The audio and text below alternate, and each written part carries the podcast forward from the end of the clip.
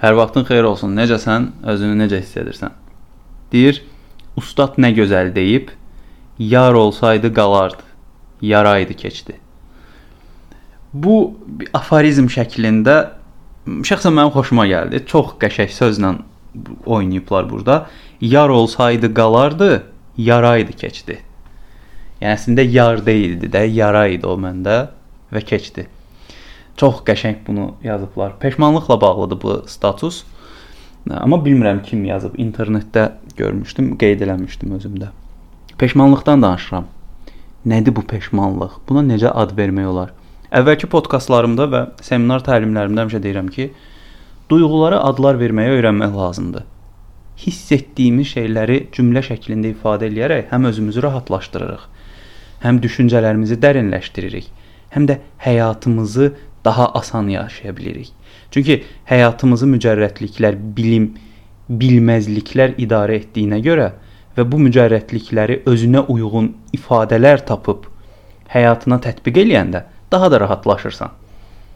Peşmanlıq, gəl peşmanlığa ad verək. Məsələn, sən peşmanlıq olduğun, peşmanlığın nə olduğunu nə düşünürsən? Nədir səncə peşmanlıq?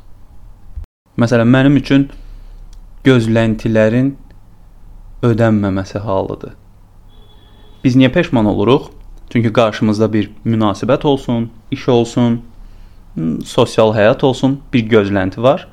O gözləntilər ödənməyəndə, ora uyğun gəlməyən insan olanda, ya da ki bir insan haqqında gözləntimizi daha çox çoxaldanda və o alınmayanda biz peşman oluruq ki, niyə bunu elədim?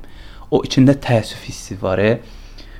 bir beynində bir obraz yaradırsan, o obraza uyğun bir fundament qurursan, sonra fundamentin üzərində bir bina tikməyə başlayırsan və daha sonra o bina dağılır.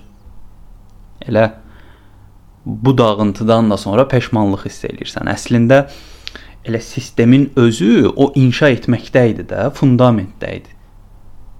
Orda baxmalıydın. Mənim bir sözüm var, deyirəm, bir şeyi etməyib peşman olmaqdansa edib peşman olmaq daha yaxşıdır. Çünki bu da, bu zaman təcrübə qazanırsan. Bunu niyə belə deyirəm? Çünki bütün proseslərə təcrübə kimi baxdığın zaman beynin daha yaxşı çalışmağa başlayır. Çünki nəyə baxdığın yox, ona necə baxdığın önəmlidir. Sən baxan zaman orada nə məna çıxardırsan? Nə görə bilirsən? Onu necə beynində obrazlaşdıra bilirsən? Çünki beynimiz obrazlarla çalışır. Peşmanlıq da biraz obrazların indi dediyim o bina ilə bağlı obrazların sayəsində ortaya çıxan bir şeydir. Yəni sən obrazı qurursan, bəlkə də o qurduğun obrazda olan adam ora uyğun deyil. O iş ora uyğun deyil, o fəaliyyət ora uyğun deyil və sən o obraza uyğun da gözlənti yaradırsan, əlavə bir özünə yük götürürsən və bu alınmayanda deyirsən ki, peşmanam yaşadıklarıma görə. Məsələ budur. Bütün insanlar peşman olurlarmı? Bütün insanlar ola bilirlər. Bütün insanlar peşmanlıqdan təcrübə çıxara bilirlərmi? Müsbət mənada yox. Yəni əslində belə baxanda mənfi və ya müsbət bir şey yoxdur. Daha doğrusu mənfi ya müsbət tə bir təcrübə yoxdur. Öyrəndiyimiz müsbət nələrsə var.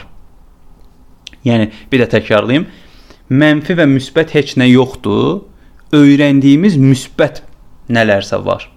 Yəni ən mənfi görünən şey belə əslində bizə müsbətdir. Çünki mən nəsə oradan öyrənirəm. Və mən düşünürəm ki, öyrənə bildiyin hər şey səni müsbətə, pozitivliyə və inkişafa doğru apara bilər. Məsələ budur. Dolayısıyla peşmanlığı özünə yük eləyən insanlar var. Mənim təlimimə bir xanım gəlirdi. Həddindən artıq yaşadığı hər şeyə görə peşman idi.